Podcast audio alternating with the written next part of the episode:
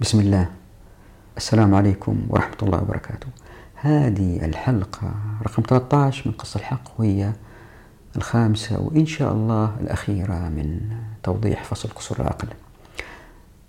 في الحلقات السابقة عن موضوع قصور العقل كنت بالتدريج بحاول أقنعكم أنه استخدام العقل البشري لابد أن يكون قاصر عندما يمس موضوع مقصوصة الحقوق. وآخر الحلقة الماضية بينت أنه بعض الفقهاء المتأخرين وهم قلة والحمد لله وبحسن نية لجأوا إلى الاستحسان على حساب القياس وأوجدوا أحكام جديدة تختلف عما أتى به النص وتغيرت مقصوصة الحقوق. الحلقة هذه إن شاء الله نأخذ مثال آخر وهو مهم لكن مش عن الاستحسان ولكن تحت مقصد المصلحة العامة. في دورة الرابعة أجاز مجمع الفقه الإسلامي نزع الملكية الفردية للمصلحة العامة. تحت قاعدة يتحمل الضرر الخاص لدفع ضرر عام.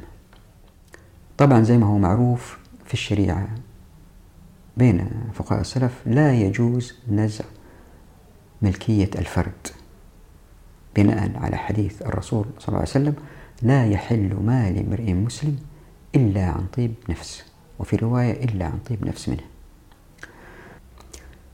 في الحلقات السابقة تحدثت عن نزع الملكية عدة مرات وملخصها الآتي أنه إذا مسؤولي الدولة رأوا المصلحة في توسيع شارع لأنه ضاق على مرور السيارات أو أرادوا عمل ساحة في وسط المدينة وفي عقار واقف عقبة أمام هذا المشروع.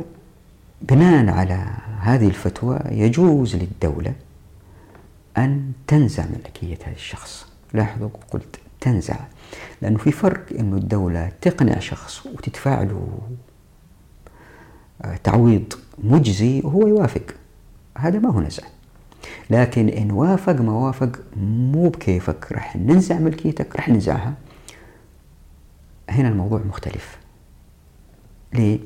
إنه عمرانيا في إشكالية ألا وهي أنه إذا وسعنا الطريق عدد السيارات راح يزداد لأن المنطقة اللي نزعنا من أجلها. العقار أزدادت نشاط بزيادة عدد السيارات. ولما تزداد نشاط نحتاج إلى أنه نرفع كفاءة المرافق العامة مثل التغذية بالمياه مثل الكهرباء مثل الله يكرمكم مواصير الصرف الصحي مثل الهاتف مثل الأرصفة مثل وما إلى ذلك.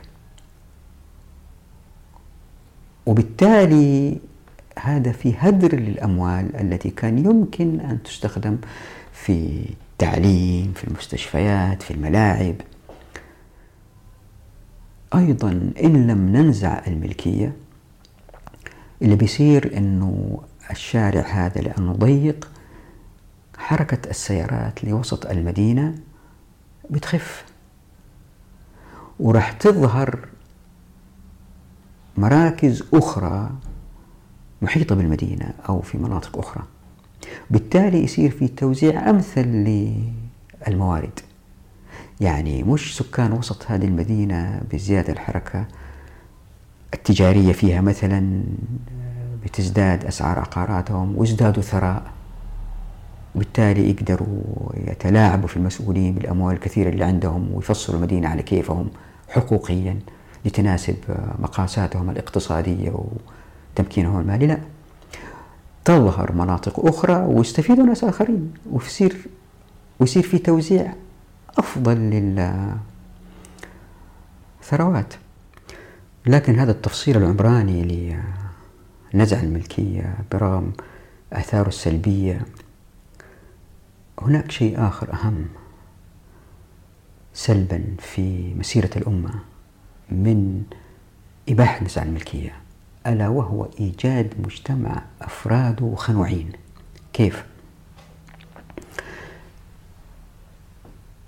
فكرة نزع الملكية للمصلحة العامة تعني أنه في مصلحة عامة أحد يراها أو يوجدها.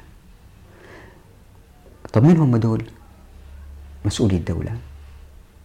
يتكون في أذهان الناس أنه في ناس جالسين هناك أفراد دولة وعندهم منظور أو تصور مستقبلي جيد للأمة وعندهم الإحصائيات وعندهم الأرقام وعندهم المتخصصين والمستشارين.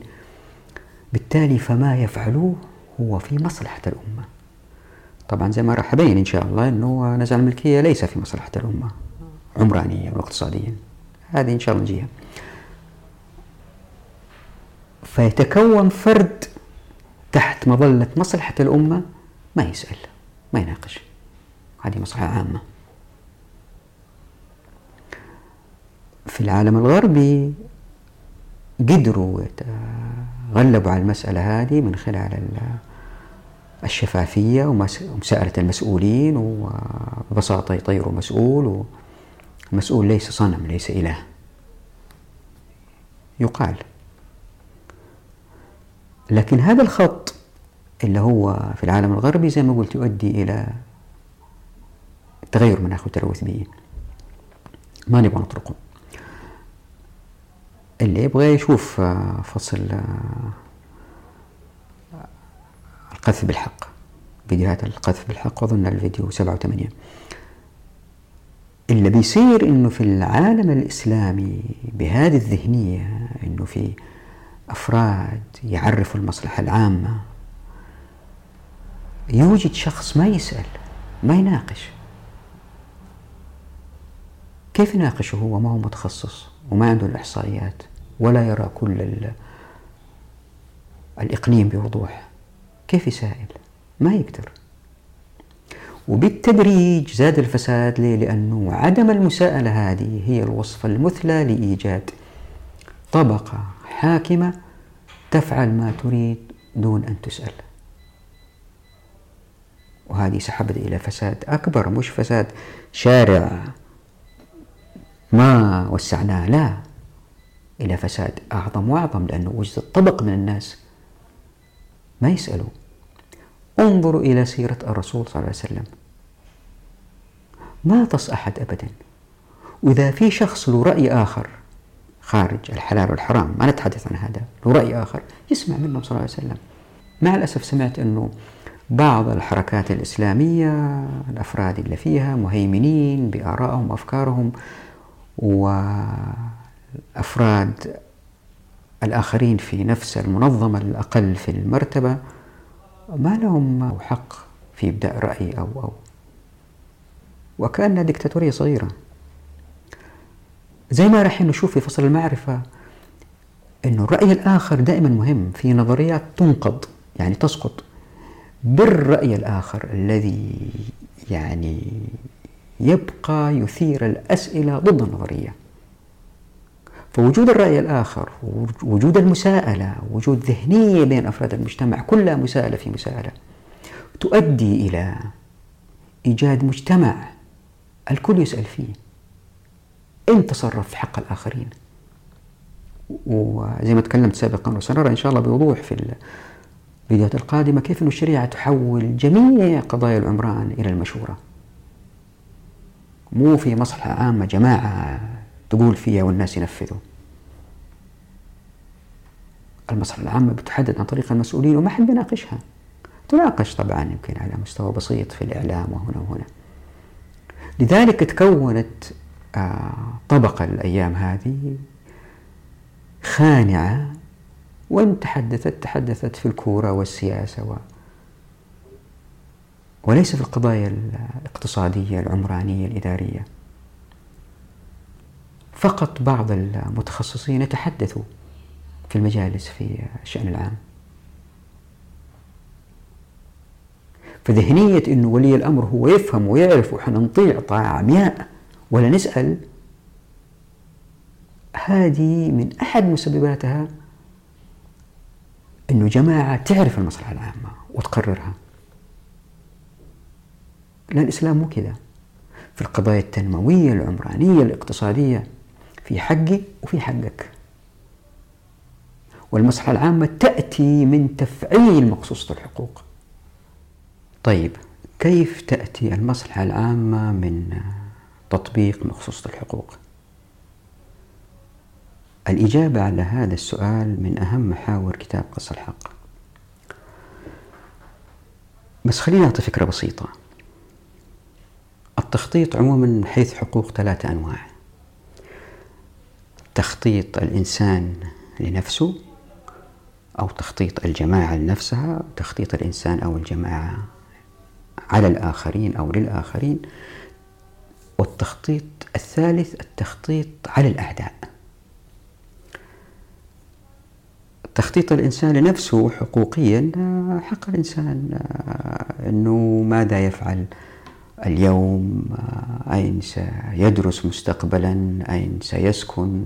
ما هي الوظيفة التي يبحث عنها؟ هذه حقوقه والإسلام يحث على هذا الشيء يحث الإنسان يخطط لنفسه. النوع الثاني اللي هو تخطيط الإنسان على الآخرين لا هذه الإسلام يحث على الوصول إليها من خلال الحقوق لأنه أي تخطيط للآخرين أو على الآخرين تتدخل فيها الحقوق.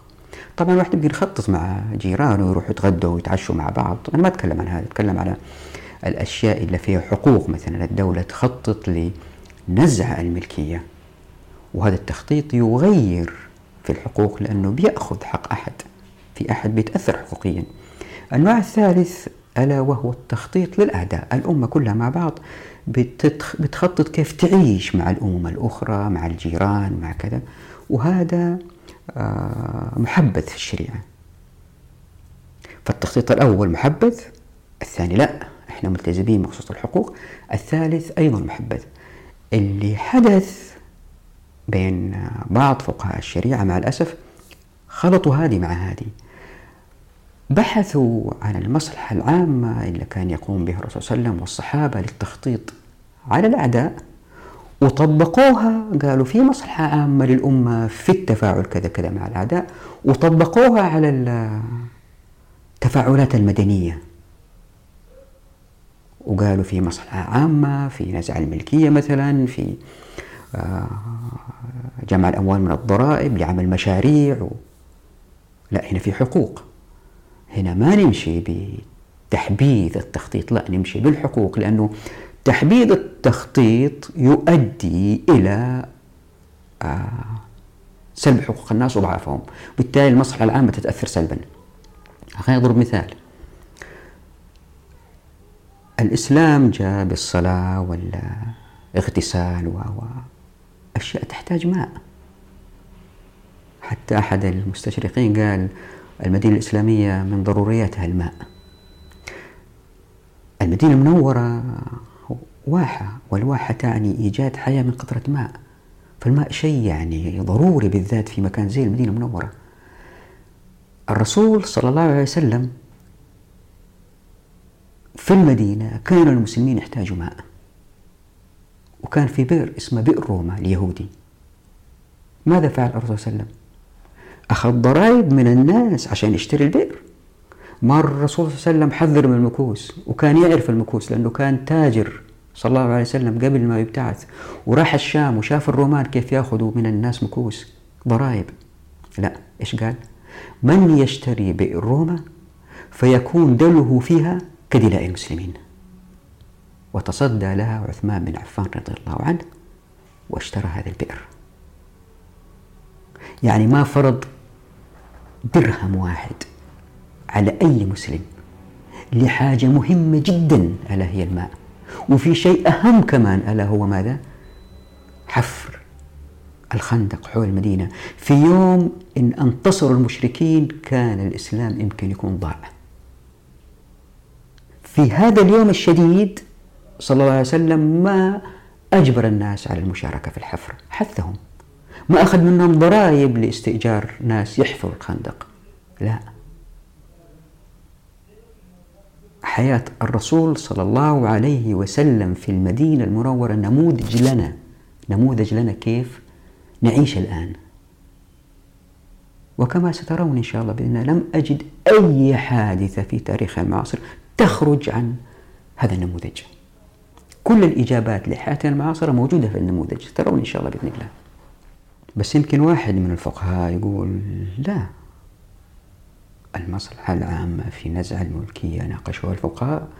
ويعطيني مثال مثلا على بيت دار جزء من سور المدينة والأعداء اقتربوا للمدينة ويمكن يدخلوا المدينة من خلال هذه الدار إذا كانت منخفضة أو آيلة للسقوط. آه، ورفض المالك يبيع في هذه الحالة يقول لي لا من المصلحة العامة للدفاع عن كل السكان عشان لا يقتلوا إنه يرغم على البيع ونرمم منزله حتى لا يكون ثغرة للدخول.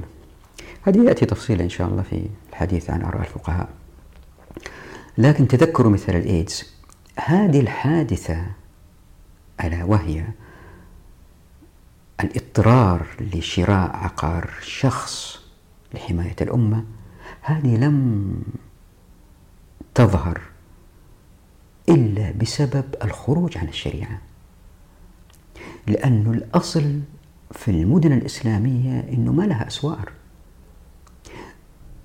المدن لاحقا لأن الدولات الأخرى لم تطبق الشريعة بضعف المسلمين صارت المدن غير آمنة من الأعداء في الخارج أو من الدولات الأخرى المسلمة أو من البدو الرحل أو فصاروا يبنوا أسوار المدينة.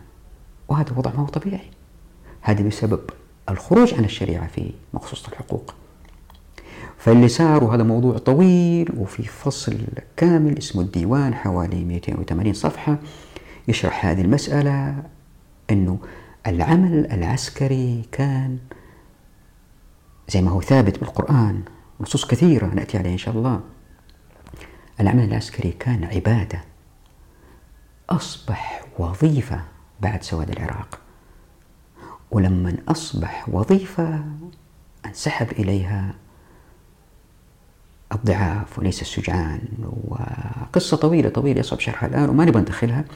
فبسبب ضعف المسلمين لعدم تطبيق مقصوصة الحقوق اقتربوا الأعداء من سور المدينة. ولا الأصل أنه المسلمين إذا كان العمل العسكري عبادة والموارد في أيدي الناس والناس يدعموا هذه الجيوش. من جهز غازيا فقد غزا وحرض المؤمن على القتال. لا تكلف إلا نفسك. موضوع طويل هذا إن شاء الله نجي وأعتقد راح نرفز كثير من الناس يعني. بسبب هذا الخروج في مقصوصة الحقوق أصبحت الأمة ضعيفة فاقتربوا الأعداء من الحدود للمدينة. ولا الأصل أنه الأعداء يبوسوا أيدي المسلمين. سيبونا في حالنا. خليكم بعيد عننا.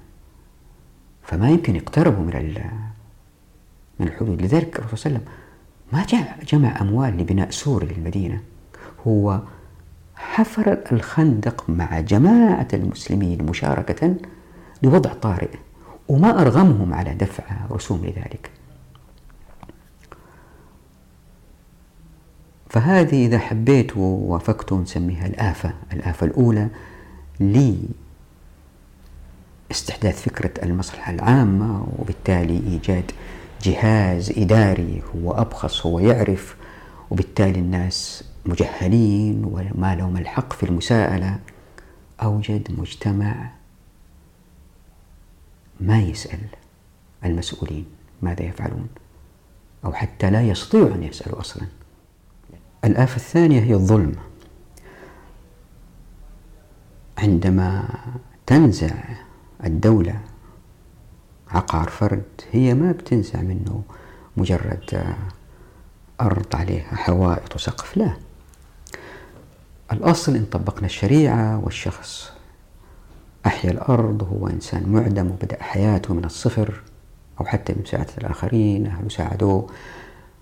فاللي بيصير إنه المبنى لأنه الإنسان بنى بنفسه وشارك في اتخاذ القرارات في الساحات اللي حوله والشوارع وفي حقوق حقوق مسيل الماء حقوق مسيل الماء والوضوء حقوق حقوق كثيرة إن شاء الله نأتي عليها. الأصل في إنه المبنى عبارة عن مجموعة ذكريات وجدان عواطف وليست مواد صلبة حوائط وسقف فعندما تنزع منه هذه الملكية يكون الظلم شديد. في بحث مميز في هذا الموضوع للدكتور عبد الحليم إبراهيم بعنوان The Sermon of Building بيبين كيف أنه في المجتمعات قبل الحداثة كانوا الناس عندما يبنوا آه، المسألة مسألة احتفالية كبيرة في عندهم أناشيد وأهازيج يرددوها وهم يبنوا في نوع من الفرحة. اللي بيصير إنه المجتمع إن كان سكت شرعا لأن الفقهاء بالاجتهاد وبالرجوع إلى مقصد المصلحة العامة شرعنوا نزع الملكية والمظلوم هذا سكت والمجتمع كله سكت على هذا الظلم. سيظهر ظلم آخر وآخر وآخر. تذكروا حديث الرسول صلى الله عليه وسلم أنه السفينة اللي هي طبقتين وناس تحت قالوا بس نخرم خرم صغير. اللي فوق إذا ما وقفوهم السفينة تغرق. تصور أنه في سد مائي. وجاء واحد قال أحتاج شوية ماء بس أخرم هذا السد خرم صغير عشان أخذ ماء. راح يصير شرخ في السد والسد كله ينهار وال البحيرة خلف السد تفيض على كل القرى. وهذا اللي صار مع المصلحة العامة. سكوت الناس على الظلم تحت مظلة نزع الملكية والمصلحة العامة. رو روضهم روض الناس إنهم يسكتوا على على على الظلم. وبالتالي المصلحة العامة استخدمت في مسائل أخرى. مع الأسف آه، بعض الفقهاء سكتوا على هذه المسألة. مثل آه، مثلا أخذ البصمات من الناس تحت مظلة الضرورة والمصلحة العامة. هي الدول بتأخذ البصمات آه، خايفة من الناس. صحيح تحت مظلة إنه والله. نبغى نمسك اللصوص. إذا سرقوا. طبعا سيكثر اللصوص ليه؟ لأنه لما نستحدث جهاز يأخذ بصمات الناس عشان الأمن وجهاز يأخذ بصمات وجهاز مباحث عامة وجهاز استخبارات وجهاز وجهاز وجهاز ووزارة دفاع كبيرة فيها جيش كبير عشان يحمي الدولة من الدول الإسلامية المجاورة و و. اللي بيصير حوالي 40% من الشعب ما ينتج. ولما 40% من الشعب ما ينتجوا ويعيشوا على إنتاجية ال 60% الباقيين أو ال 50% الباقيين ويعيشوا على أموال الفيء اللي هي أصلا لل للناس الدولة تأخذها من الموارد اللي عندها. نحاس بترول فوسفات تأخذ الدولة هذه الأموال وتنفقها على كيفها؟ سيظهر الفقر. بالتالي نحتاج لجهاز عشان نأخذ بصمة الناس عشان نحمي الناس. لكن إن طبقت الشريعة ما نحتاج لهذا الجهاز من أصله. فالقبول بالظلم وسع دائرة المصلحة العامة وبدأت تستخدم في أمور أخرى. المصلحة العامة لإيجاد نظام الكفيل ما تقدر تسافر من بلد لبلد إلا بموافقة شخص يضمنك هناك. وكأنه نوع جديد من أنواع الاستعباد. المصلحة العامة في الزواج من دول أخرى ما تستطيع الزواج من دولة أخرى إذا كانت مسلمة. لأنه المصلحة العامة تتطلب كذا لا تستطيع أن تستورد سيارات إلا من خلال الوكيل اللي هو محتكر تحت مظلة المصلحة العامة توجد أنظمة التجارة وما إلى ذلك. سنأتي إلى هذه التفاصيل كلها. فتحت مظلة المصلحة العامة استحدثت زي ما شفنا في الحلقة الفائتة من قواعد الضرر استحدثت تحت مظلة المصلحة العامة. الكثير من المؤسسات الحكومية اللي ما تنتج. إلا محاولة تنظيم وبالتالي يزداد الفقر. في آية حلوة تشرح هذا الوضع. أعوذ بالله من الشيطان الرجيم. يا أيها الذين آمنوا لا تأكلوا أموالكم بينكم بالباطل إلا أن تكون تجارة عن تراض منكم ولا تقتلوا أنفسكم إن الله كان بكم رحيما. الآية هذه بتربط بين القتل والإنتاج. ورح نجي بالتفصيل بس أعطي فكرة سريعة عنها هنا. يا الذين آمنوا لا تأكلوا أموالكم بينكم بالباطل. يعني الإنسان أي مال يأكله إذا كان موظف مباحث استخبارات جمارك اللي يكون وظائف لا تنتج إلا حماية النظام الحالي هذه الوظائف أموالها باطل. إيش تقول؟ يا أيها الذين آمنوا لا تأكلوا أموالكم بينكم بالباطل إلا إلا أن تكون تجارة. تجارة واحد ينتج أشياء يبيعها يتاجر فيها أو واحد اشتري بضاعة من واحد يبيع لواحد ثاني. هذه التجارة. وعن تراض منكم.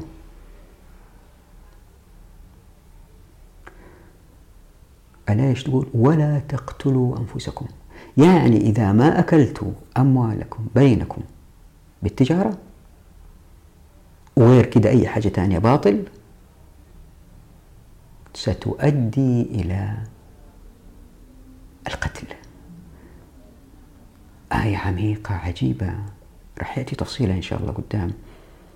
تبين أنه إذا مجموع أفراد الأمة ما أنتجوا واشتغلوا بالتالي بالضرورة تظهر هذه الطبقية تحت مظلات آه، العامة تحت مظلة آه، منع ضرر قبل وقوعه وما إلى ذلك. وسنأتي على أمثلة أخرى. تحت هذه المظلات تتكون طبقة في المجتمع بحجة حماية آه، باقي أفراد المجتمع لا تنتج. وبمرور الزمن هذه الطبقة تحاول حماية نفسها والبقاء في السلطة وتستحدث أجهزة حكومية جديدة حتى تبقى في السلطة. وفي النهاية يصير زي ما صار في رابع العدوية. عندما أتحدث عن المصلحة العامة وآفة نزع الملكية وبعد سرد جميع السلبيات إلا يطلع واحد من الحاضرين ويقول وطيب كيف المسجد الحرام؟ الناس بيأتوا من أقاصي الدنيا معتمرين حجاج لابد من أن ننزع ملكيات الناس اللي هي محيطة بالمسجد الحرام. وهي ضرورة. إن شاء الله راح أرد على هذه القضية. لكن قبل كذا خلينا نمر بسرعة على آراء الفقهاء في مسألة متى يكره المالك على البيع. الفقهاء قالوا أنه في ثلاث حالات. في حالة الشفعة وقضاء الدين ومصلحة الجماعة. لاحظوا مصلحة الجماعة وليس المصلحة العامة. في فرق. الشفعة أنه إحنا اثنين شركاء في عقار وأنا أبغى أبيع نصيبي مثلا ولك الحق أنت تشتري العقار بالقيمة التي يأتي بها السوق. هذا موضوع طويل وهو مفصل في كتاب عمارة الأرض في الفصل الثامن عن هذا الموضوع. عن الشفعة وهذا خارج موضوعنا لأنه آه، ما في ظلم على الواحد. الحالة الثانية قضاء الدين. يعني واحد ادين من الناس أموال وما عنده يسدد وقد يكره على بيع عقاره لسداد آه، الناس. وهذه خارج دائرة آه، موضوعنا لأنه في الحالتين الشفعة وقضاء الدين العقار بينتقل من فرد لفرد. وليس لمسؤولي دولة زي ما يمكن يساء استخدام نزع الملكية. ومآلاتها العمرانية ليست كنزع الملكية. الحالة الثالثة هي مصلحة الجماعة. في نوع من الاتفاق بين الفقهاء أنه إذا كان المبنى آيل للسقوط يعني يمكن سيسقط. مالكه ما أهتم فيه ما صانه ويمكن يقع الدور الثالث أو الرابع أو اللي يكون. ويقتل الناس. هذا خطر على المرة. بالتالي يكره المالك على البيع. أما لجهة صونه أو آه، بيت المال يشتريه أو.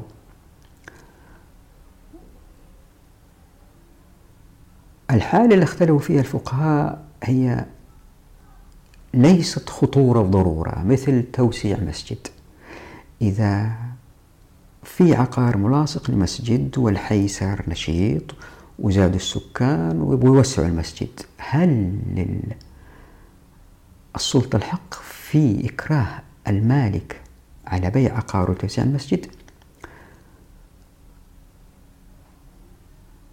معظم الآراء اتجهت أنه لا لا يكره المالك. وأستدل بأدلة منها الحديث الذي ذكرته سابقا لا يحل مال امرئ مسلم إلا عن طيب نفس منه. وفي حديث رواه مسلم في باب تغليظ تحريم الدماء والأعراض والأموال يقول كل المسلم على المسلم حرام دمه وماله وعرضه. والحديث المعروف عن الرسول صلى الله عليه وسلم في حجة الوداع اللي رواه البخاري عن ابن عباس رضي الله عنهما أن رسول الله صلى الله عليه وسلم خطب بالناس يوم النحر فقال يا أيها الناس أي يوم هذا؟ قالوا يوم حرام قال فأي بلد هذا؟ قالوا بلد حرام قال فأي شهر هذا؟ قالوا شهر حرام قال فإن دماءكم وأموالكم وأعراضكم عليكم حرام كحرمة يومكم هذا في بلدكم هذا في شهركم هذا فأعادها مرارا ثم رفع رأسه فقال اللهم هل بلغت اللهم هل بلغت قال ابن عباس رضي الله عنهما فوالذي نفسي بيده إنها لوصيته إلى أمته فليبلغ الشاهد الغائب. وجاء في مسند الإمام أحمد أنه صلوات ربي وسلامه عليه قال من اقتطع مال امرئ مسلم بغير حق لقي الله عز وجل وهو غضبان. بالإضافة إلى هذه الأحاديث في جانب آخر يأكد منع نزع الملكية. الشريعة منحت المالك الحق في الدفاع عن ملكه وحقوقه لدرجة أنه إن دافع عنها ومات فهو شهيد. في صحيح البخاري مثلا أن رسول الله صلى الله عليه وسلم قال من قتل دون ماله فهو شهيد. وذكر النووي حديث آخر جاء فيه كل المسلم على المسلم حرام عرضه وماله ودمه. هذه الأحاديث تمنح المسلم الحق كل الحق الدفاع عن عقاره ضد أي كائن من كان. حديث الشهادة مطلق. يقول الشوكاني أنها تجوز مقاتلة من أراد أخذ مال إنسان من غير فرق بين القليل والكثير إذا كان الأخذ بغير حق. طبعا هذه الأحاديث تشير بوضوح إلى أنه للإنسان الحق في الدفاع عن أملاكه حتى وإن قتل فهو شهيد. الحديث واضح. في استنتاج مباشر هنا من الحديث ألا وهو أنه زمان أيام السلف وإلى وقت قريب لين ما قبل الحداثة ما كانت في بلديات. ولأنه ما كانت في بلديات كانت الإشكاليات بين الناس تحل بين بعض وإذا اختلفوا تروح القضاء. القاضي يحكم بال بالشريعة. فمثلا إذا واحد بنى الدور الثاني أو الثالث بمادة مختلفة مثلا بناها بالطين وليس بالحجر كباقي سكان المدينة واحتجوا عليه السكان هذا مو من حقهم. ويمكن آه، يصير نوع من العداء لأنه في عداوة مسبقة بينهم وتستخدم هذه ضد الشخص اللي بنى بالطين ويمكن يحاولوا يغيروا رأي بالقوة. في الحالة هذه له الحق يدافع عن عقاره وإن اعتدوا عليه. طبعا هذه حركية مهمة ليه؟ زي ما وضحت من أول ورح تجي إن شاء الله ظهور الأعراف. لأنه يمكن يكون المادة بالطين إن عولجت بطريقة معينة هي أفضل وأوفر. فبالتالي الأعراف تتغير. فاللي صار إنه آه تجربة نجحت. وإن فشلت التجربة فهي بتفشل في موقع واحد وليس كنظام يعمم على كل المدينة. فالأعراف تتطور. هذا مو المهم في شيء أهم. ألا وهو أنه الشريعة بإعطاء الحق للفرد في الدفاع عن عقاره حتى الموت ويصير شهيد هذه فيها تخويف شديد للآخرين من الاقتراب والاعتداء على الإنسان. لأن الشريعة تريد أن توجد إنسان عزيز جدا جدا جدا جدا يدافع عن عقاره حتى الموت. هذا الإنسان العزيز إذا يكثر أمثاله كل الأمة تصير عزيزة. مثلا في المشاريع هذه اللي هي واحد مثلا حاكم أعطى شخص مقرب صك لأرض في منطقة بعيدة وبعدين جو ناس ما يدروا عن الصك هذا أو حتى لو يعرفوا لأنهم يعرفوا أنه الأرض هذه ما هي مملوكة لا بإحياء ولا بشيء ولأنه الإقطاع لا يؤدي للتملك والاحتجار لا يقدر التملك وشافوا أرض بيضة وبنوا عليها. هؤلاء عندما بنوا وانتهوا أتت الدول لمحاربتهم لتدمير البيوت على رؤوسهم. هؤلاء إن قاتلوا فهم إن شاء الله شهداء. ليه؟ لأنه هم على حق لأنه بنوا في أرض ما هي مملوكة لأحد. والشريعة قبل الدول الرسول صلى الله عليه وسلم أعطاهم الإذن بالإحياء. وهذا إذن الرسول صلى الله عليه وسلم. فهم أحيوا. اللي بيصير أن الدولة حتى لا تكسر كلمتها بتحارب هؤلاء الناس حتى يكونوا عبرة لغيرهم لازم تسمعوا كلمة الدولة وهذا بسبب المصلحة العامة. ليه؟ لأنه رأوا أنه من المصلحة العامة أنه هذول اللي خالفوا يجب أن ماذا نفعل فيهم؟ نوقفهم من حدهم حتى لا يزداد عدد هؤلاء الناس المخالفين. هذول ما هم فاهمين الاقتصاد. الناس الد... الناس دول اللي دمرت بيوتهم فين يذهبوا؟ فين يسكنوا؟ هذا ظلم. اللي صار إنه تحت مصلحة تحت مظلة المصلحة العامة الناس خوفا من الوقوع في الإثم لأنهم بيخرجوا على السلطان. إذا حاربوا سكتوا. ولم يدافعوا عن حقوقهم. واللي صار أيضا أنه باقي أفراد المجتمع ساكتين وشايفين الظلم وساكتين. واللي صار أيضا الموظفين هؤلاء اللي قاموا بهذا التدمير برضه هم محتارين وهم عارفين هم مأمورين. كل هذا حدث تحت مظلة المصلحة العامة واللي هي ما هي مصلحة عامة ماذا صارت؟ مصلحة خاصة. هذه الأراضي لأنه يمكن شخص يملكها وذو نفوذ وساكن في سويسرا ولا في مكان آخر وما أحياها أقطعت له يريد استرجاعها هذا هو بيوت هؤلاء الناس. صارت المسألة. ما هي مصلحة عامة؟ صارت مسألة خاصة. وشفنا باستخدام المصلحة العامة كيف أراضي في أقدس بقاع الأرض نزعت ثم أقطعت لآخرين. هذا الاستنتاج قد ما يوافق عليه الكثير أنه المصلحة العامة صارت مصلحة خاصة واستخدمت كأهواء. يمكن يوافق عليه كثير لكن النقطة الأهم اللي هي في الحديث من قتل دون مال فهو شهيد هي أنه لأنه الدولة الإسلامية المفروض فيها زي ما راح نشوف في الفصول القادمة بالذات فصل الخطط والحكم والفصل الوصل لأن الدولة الإسلامية لا تريد أن تستثمر الكثير في الشرطة والبوليس و لأنه مع فتح أبواب التمكين في الموارد والمرافقات والمعرفة الناس يثروا وما يحتاجوا يسرقوا عندها الاعتداء من واحد على آخر يكون شيء كبير.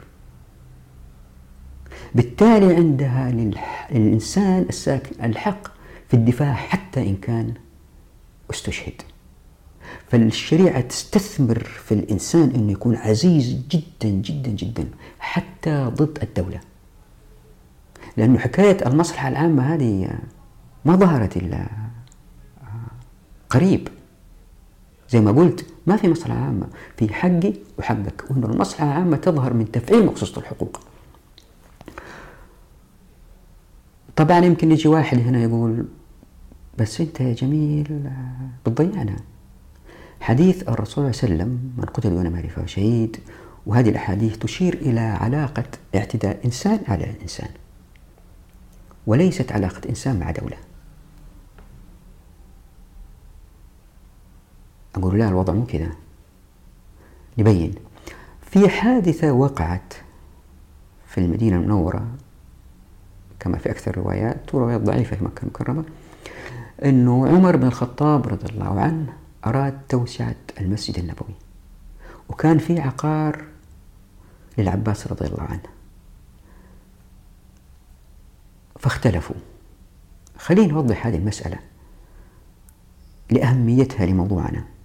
السمهودي في كتابه وفاء الوفاء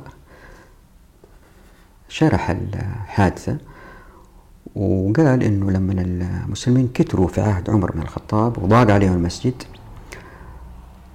اشترى عمر رضي الله عنه كل المباني حول المسجد حتى يوسع ما عدا حجر أمهات المؤمنين ودار العباس. وجاء العباس قال له يا أبا الفضل نبغاك تعطينا العقار حتى نوسع المسجد. فما وافق العباس. اللي صار إنه عمر بن الخطاب رضي الله عنه أعطاه ثلاثة خيارات. قال له أما تبيعني هي أو اخط لك دار في مكان آخر في المدينة المنورة أو إنك تتصدق فيها المسلمين. رفض الثلاثة العباس. فاحتكموا إلى أبي بن كعب أبي قال لهم إذا تبغوا أحكيكم هذه الحكاية سمعت عن الرسول صلى الله عليه وسلم. قال أبي بن كعب إن الله أوحى إلى داود أن أبني لي بيتا أذكر فيه فخط له هذه الخطة خطة بيت المقدس. فإذا تربيعها بزاوية بيت رجل من بني إسرائيل. يعني بيت الرجل هذا داخل جوا الخطة. هذه نوضحها بعدين ما معنى الخطة. يعني جوا الأرض اللي هي كان ابني ينوي ابني عليها المسجد. فسأله داود أن يبيعه إياها فأبى. فحدث داود نفسه أن يأخذه منها. فأوحي إليه أن يا داود أمرتك أن تبني لي بيتا أذكر فيه فأردت أن تدخل في بيت الغصب وليس من شأن الغصب. وإن عقوبتك ألا تبنيه. قال يا ربي فمن ولدي؟ قال فمن ولدك. طبعا هنا عمر بن الخطاب رضي الله عنه قال لي أبي بن كعب يعني أنا جيتك عشان تساعدني وأتيتني بحديث ضد التوسعة. فذهبوا إلى المسجد وسألوا باقي الصحابة هل أحد سمع هذا الحديث؟ قال أبو ذر نعم أنا سمعته وآخر وآخر. بعدين عمر بن الخطاب رضي الله عنه شاف الحق وطبعا وقف لأنه خليفة حقاني زي ما هو معروف. عندها العباس أعطى العقار مجانا للمسلمين. فهي إشارة منه لإحقاق الحق رضي الله عنه.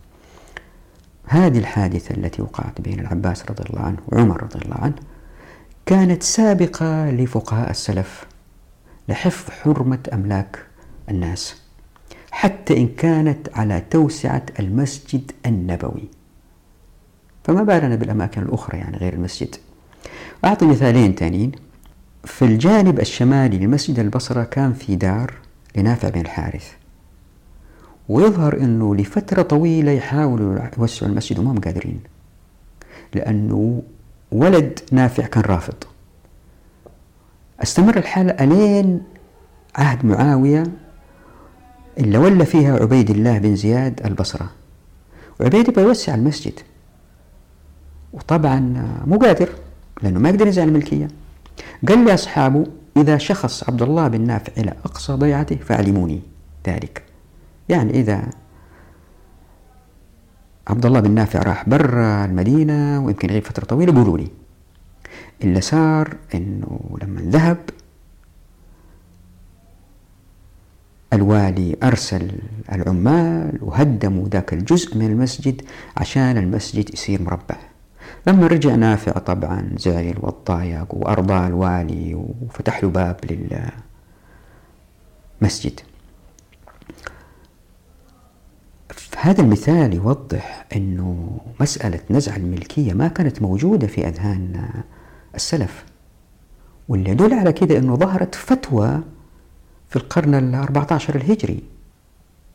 يعني 1300 وكسور سنة ما حد قال بنزع الملكية هذه حاجة مستحدثة. المثال الآخر من الفسطاط لما نزل المسلمين الفسطاط قيس بن كلثوم سبق الآخرين في موضع ونزل فيه عشان يسكن فيه ويبني فيه وكذا. هذا الموضع رأوا المسلمين هو المكان الأنسب للجامع المعروف الآن بجامع عمرو بن العاص. ما تمكنوا وقتها من أخذ ذلك الموضع إلا طواعية من قيسبة اللي قال لهم لقد علمتم يا معاشر المسلمين أني حست هذا المنزل وملكته وإني أتصدق به على المسلمين. وراح مكان آخر. من هذه النوازل وغيرها واضح أنه مسألة نزع الملكية كانت مسألة ما هي موجودة في أذهان الناس أبدا. ليه؟ لأنهم إلى حد ما كانوا يطبقوا الشريعة وكانوا الناس انتشروا في الأرض وهم الحق في أخذ الموارد وبالتالي ما كان في ازدحام لأنه ما كانت في دول مركزية قوية تسحب كل الأموال وتستثمرها في بعض المدن ويظهر الازدحام. تذكروا مثال الإيدز. وبالنسبة لعلماء السلف سئل الإمام أحمد بن حنبل عن مسجد زاد في السكان بالأخذ من الطريق. وسعوا المسجد بالأخذ من الطريق. قال لا يصلى فيه. شوفوا القوة في في الرد. لا يصلى فيه. ليه؟ لأنه أخذوا من الطريق وهذا حق الناس. وأسئل ابن تيمية عن تحويل المسجد إذا ضاق على أهله من موقع إلى موقع آخر. قال لا بأس. هنا في إشارة واضحة إلى أنه ما كان في في أذهانهم مسألة ننزع ملكية جار المسجد. لا حولوا المسجد من مكان إلى مكان آخر. هذه أقوال المذهب الحنبلي. بالنسبة للمذهب الشافعي ما وجدت رأي واضح يمكن لأني لم أجتهد بما فيه الكفاية يعني الكفة تميل أو كذا أو كذا. لكن من أقوال الشافعي في الذهاب لعدم الأخذ بالاستحسان الأرجح عندهم أنه لا يوسع المسجد بالأخذ من حقوق الجيران. المذهب المالكي والحنفي أجازوا نزع الملكية في الضرورة القصوى للمصلحة العامة لكن اختلفوا في تحديد المصلحة العامة. ولأنه الرأيين هذولي أو المذهبين هذولي مهمين في هذه المسألة أنه يمكن البعض استشهد فيها بنزع الملكية خلينا نوضحهم ببعض التفصيل. عموما سبب الخلاف هو الأخذ بالمصالح المرسلة والاستحسان. تكلمنا عن الاستحسان سابقا. خلينا الآن نركز على المصالح المرسلة. الفقهاء عرفوا المصالح المرسلة بأنها المصالح الملائمة لمقاصد الشريعة ولا يشهد لها أصل خاص بالاعتبار أو الإلغاء. يعني وضع مستحدث يحتاج فتوى وما وجدوا في النصوص شيء يعينهم على إيجاد الفتوى. فمن خلال المصالح المرسلة أوجدوا حكم أو فتوى. وطبعا آه، لهم آه، أدلتهم من هذه الأدلة ثلاثة. هي الأول أن الصحابة سلكوا ذلك المسلك كجمعهم القرآن الكريم وكإراقة عمر رضي الله عنه. اللبن المغشوش. لاحظوا في الاستدلال هذا الأول أنهم استدلوا بسلوك الصحابة في جمع القرآن. هذا ما في تداخل حقوق.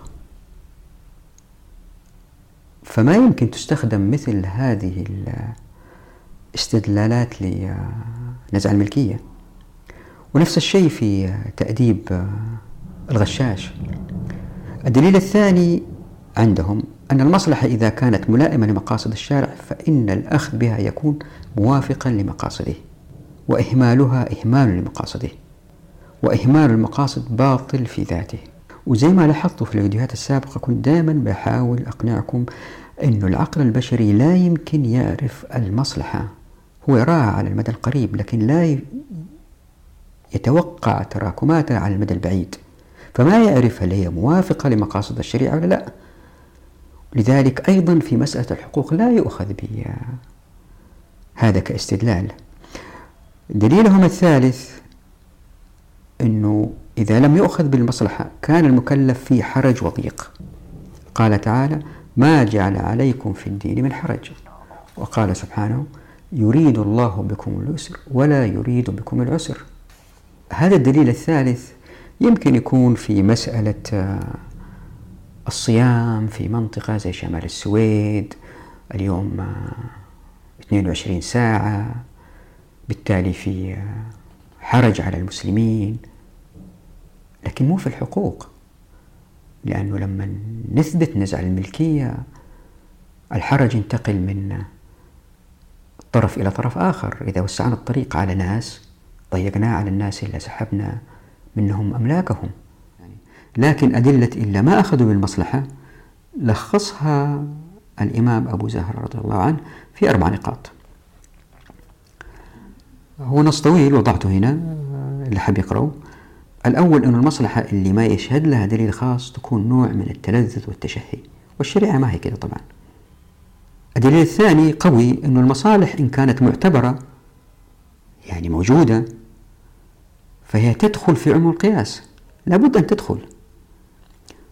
وإن كانت غير معتبرة فلا تدخل لأنه ما يمكن نقول أنه في مصالح معتبرة وما هي موجودة في النص ولا يمكن نستنتجها بالقياس لأنه كأننا بندعي أنه الإسلام قاصر وأن النصوص القرآنية والأحاديث قاصرة.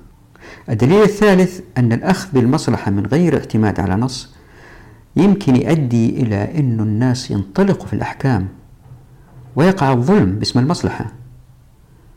وبيستشهد هنا بيقول كما فعل بعض الملوك الظالمين. وقد قال في ذلك ابن تيمية إنه من جهة المصالح حصل في أمر الدين اضطراب عظيم وكثير من الأمراء والعباد رأوا مصالح فاستعملوها بناء على هذا الأصل وقد يكون منها ما هو محظور في الشرع لم يعلموه.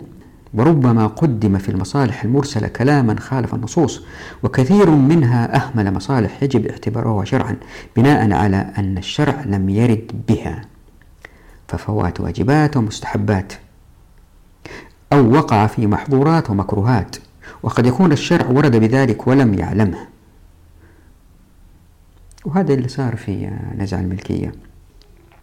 الدليل الرابع أنه لو أخذنا بالمصلحة ستتغير الأحكام بالتالي بين البلدان وبين الأزمان. فاللي يكون حلال في المنطقة هذه يكون حرام في منطقة أخرى. بالضرورة تتغير الأحكام إذا أخذنا بالمصالح. واللي يكون حلال في زمان يكون حرام في زمان آخر. وهذا اللي صار في نزع الملكية.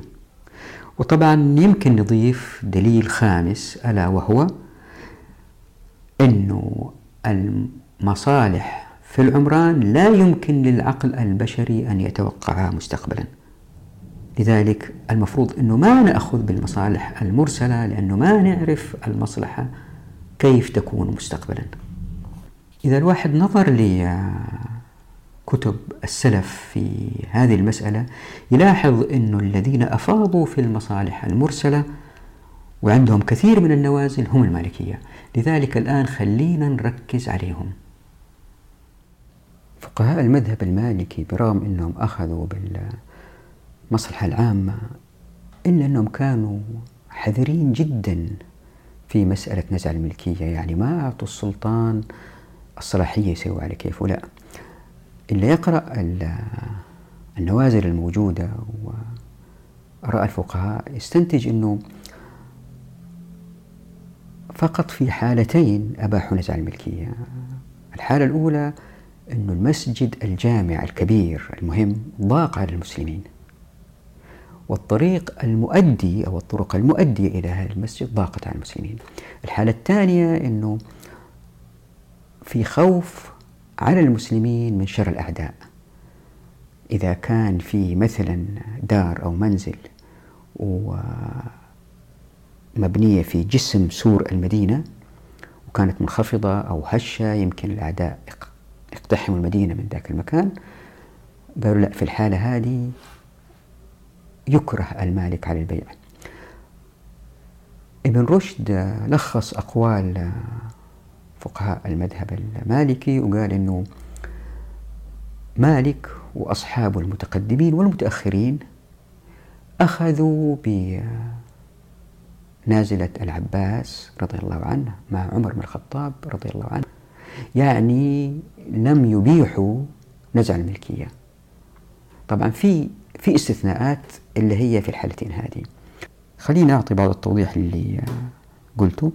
جاء في الضرر عن أبي زيد قال عبد الملك بكره السلطان لأهل بعض الأملاك على بيعها إذا احتاج الناس إليها لجامعهم الذي به الخطبة والمنبر ليوسع بها وليست المساجد التي لا يجمع فيها. وبالنسبة لأمن المسلمين بعض الفقهاء سئلوا هل للإمام أن يعطي لمن له جنان أو حدائق بقرب سور البلدة قيمته إذا خاف غدرة العدو من جهته أم لا؟ في إجابة من شريسي وزي ما شايفين هنا على الشاشة ملخصها أنه للحاكم أنه يعطي مالك هذه الجنان أو البساتين قيمة عادلة عشان ينزعها منه. هذا في حال أنه العدو متوقع لكن إن كان العدو دخل بلاد المسلمين واقترب من السور فللسلطان هدم المنشأة إذا كانت هذه المنشأة بنيت بعد بناء السور لكن إذا بنيت قبل بناء السور على السلطات أن تدفع تعويض لصاحب العقار. هذا طبعا إذا كان الضرر واضح وبين. طيب ماذا عن نزع الملكية في الأمور البيئية الأخرى غير المسجد الجامع ومن المسلمين؟ زي الطرق مثلا اللي يسلكوها الناس للذهاب للسوق. هل للسلطة إكراه المالك على البيع؟ إذا كان عقاره يعيق المرور يمكن أفضل مثال للإجابة على هذا هو الحاجة القصوى للطريق. يعني مش حاجة لا نحتاج نوسع الشارع لا حاجة قصوى مثل الطريق يتعطل لو هطلت أمطار ويتسكر. هل للسلطات انتزاع ملكية العقار الملاصق لهذه المنطقة اللي فيها هي أمطار عشان الناس يمروا من عقار الشخص. لاحظوا قلت حاجة قصوى مش زي التوسعات اللي بتصير الآن. ابن الرامي لخص أقوى فقهاء المالكية بالقول أنه إن كانت الطريق يمكن الاستغناء عنها لوجود طريق آخر من غير مشقة كبيرة لا يجبر صاحب العقار. لكن إذا ما في طريق ثانية اختلف الفقهاء على قولين. سحنون قال يجبر ويعطى قيمتها. وقال ابن حبيب لا يجبر ولا يؤخذ من أرضه شيء إلا برضاه. وزي ما أنتم شايفين في الشاشة فإنه آراء الفقهاء أرجحت بين منهم من قال يجبر المالك على البيع في الضرورة القصوى. وبعضهم قال لا. مثلا قال ابن حبيب لفقيهين قتلهما فأين يذهب الناس ولا مندوحة لهم عن طريقهم التي قطع النهر؟ فقال ينظر في ذلك إمامهم أن يحاولوا لأنفسهم. ولست أرى لأحد المرور في أرض مسلم أو يتخذ فيها طريقا إلا بإذن ربها. يعني على الناس أنهم يحاولوا يوجدوا وسيلة للمرور أما يرضوه أو يمروا في أرض واحد تاني أو يسووا طريق تاني بس ما يمروا في أرض هذا الشخص من غير إذنه. ويقول وأرى لمن سلك فيها ولو مرة واحدة. يعني إذا واحد مر فيها مرة واحدة لازم يروح للمالك ويحلل نفسه من هذه المشكلة اللي وقع فيها. ويقول ابن حبيب وسألت في ذلك أصبغ فقال مثله. طبعا أصبغ يعني عالم كبير جدا في البث المالكي هو وسحنون وابن القاسم. وهنا في تفصيلة مهمة. نوعا ما واللي يمكن نحطها تحت عنوان بلطجة بعض الناس. إنه زي ما شفنا في القول الأخير أن الناس عليهم أنهم يبحثوا على طريق آخر. هذه مشكلتهم. هذه التفصيلة مهمة ليه؟ لأنه المسألة في إيجاد المدن والقرى كانت بالإحياء. ولأنها بالإحياء واحد أحيا وتعب وطبيعي لما يحيي يعمل ممر لطريقه ويكون عايش سنة سنتين وإذا هطلت الأمطار يعرف هذه منطقة منخفضة هذه مرتفعة فبالتالي إيش اللي بيسويه إنه بيسوي طريق ملائم له. اللي صار إنه مع نمو المدن في ناس عندما جو أحيوا أحيوا في مناطق الطريق كان فيها منخفض. ولما هطلت الأمطار وتجمعت مياه الأمطار في هذه المنطقة بيس بيستخدم طريق واحد آخر للوصول لعقاره. يعني هو بيحيي شايف الطريق المنخفض لعقاره وفي نوع من البلطجة أنه ها يمكن الفقهاء إذا نزلت الأمطار تحت مظلة المصلحة العامة يعطوني طريق من أرض واحد تاني. لذلك الفقهاء كانوا والله أعلم فاهمين هذه المسألة منتبهين لها أنه لا في نوع من البلطجة هنا. وهذه قضية مهمة جدا. ليه؟ لأنه زي ما نشوف إن شاء الله في الحلقة القادمة عن حيازة الضرر مسألة مهمة لأنه تراكم القرارات في المجتمع عمرانيا مهم جدا لإيجاد بيئة مستقرة مستتبة من غير مشاكل بين الناس. لأنه إذا كان فتحنا هذا الباب الواحد يصير بلطجي. هي ما هي مسألة مرور ماء. آسف هي ما هي مسألة مرور في طريق واحد آخر. تنزل فيه الأمطار؟ لا. في شبكات موية كهرباء تلفون تبدأ تظهر البلطجة في هذه المسائل. لذلك كانت الشريعة واضحة في هذه المسألة. آه، أتذكر حالة في طريق لما تهطل الأمطار اتسد تماما وما في طريق إلا من خلال أرض صاحب مزرعة. ورفض. هذا يخلي الناس يمرون. القاضي ابن عبد الرفيع حسب ما أذكر أرسل ابن الرامي يحاولوا يقنعوا الشخص أنه يسمح للناس بالمرور. رفض. القاضي طلب من ابن الرامي يجيب الشخص وجلس مع القاضي يحاول يقنعه لك الأجر ولك الثواب وخلي الناس يمروا رفض ما رضي. ما أجبروا على مرور الناس في أرضه يعني عمل أرضه كطريق. هذه تفصيلة مهمة يجب أن ننتبه لها. ليه؟ لأنه إذا المذهب المالكي كده اللي أخذ بالمصلحة العامة ما بان المذاهب الأخرى زي الشافعي اللي رفض اللجوء إلا للقياس. وفي الحالة هذه نرجع لحديث صلى الله عليه وسلم لا يحل مال امرئ مسلم إلا عن طيب نفس منه. وقصة العباس اللي هو المسجد النبوي مو مسجد عادي في أي مدينة أخرى. فإذا وضعنا هذه الأفكار اللي وضحتها في هذا الفيديو عن نزع الملكية وأنها تؤدي إلى الخنوع وتؤدي إلى الظلم وتؤدي إلى تجهيل الناس بالمصلحة العامة وليست في مصلحة العمران. إذا وضعنا كل هذا مع بعض نصل إلى نتيجة أنه المصلحة العامة تنقلب تصير مصلحة خاصة. وبالتالي الأراضي تقطع لناس ثم تنزع منهم الملكية بمبالغ كبيرة. وفي أراضي لناس فقراء تنزع منهم بأموال قد لا تكون تساوي قيمة العقار بينما أناس أثرياء ذوي سلطة آه، آه، تنتزع عقاراتهم ويعوضوا بمبالغ كبيرة جدا جدا جدا. ومين هذا الإنسان إلا جات الدولة وقالت له نعطيك مبلغ مجزي وننزع ملكيتك. معظم الناس ما يمكن يرفضوا المبلغ المجزي لنزع الملكية. هذا افتراض في غير محله بأنه الناس سيرفضوا نزع الملكية إلا في حالات استثنائية مثل السكان حول المسجد النبوي لأنه يحب الرسول صلى الله عليه وسلم. هذه استثناءات لكن الوضع العادي في الأمة الإسلامية من ماليزيا إلى المغرب ما تتطلب إصدار فتوى بجواز نزع الملكية حتى يساء استخدامه وتتكون لجان لتحديد التعويض وهذه اللجان يمكن ترشى ويمكن تضغط على الناس وما إلى ذلك.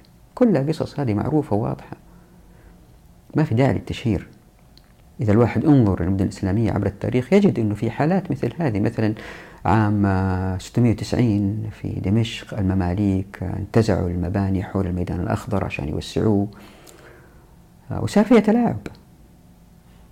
فهي طبيعة النفس البشرية مش والله الحكام هذول جيدين وهذول سيئين لا. طبيعة النفس البشرية متى ما وضعت في السلطة وأعطيت الصلاحيات تستبد. وهذه الشريعة اللي حاولت تجذ من جذوره. طبعا البعض سيسأل وماذا عن نزع الملكية حول المسجد الحرام؟ لأنه لم أتمكن من توضيح آه، نزع الملكية إلا في ساعة. لابد من تأجيل هذا الموضوع للحلقة القادمة وإن شاء الله بإذن الله تكون الحلقة الأخيرة في آه، قصور العقل واللي إن شاء الله فيها نجيب أيضا على سؤال الزميل وحيازة الضرر لأنه نراكم على خير وفي أمان الله ودعواتكم.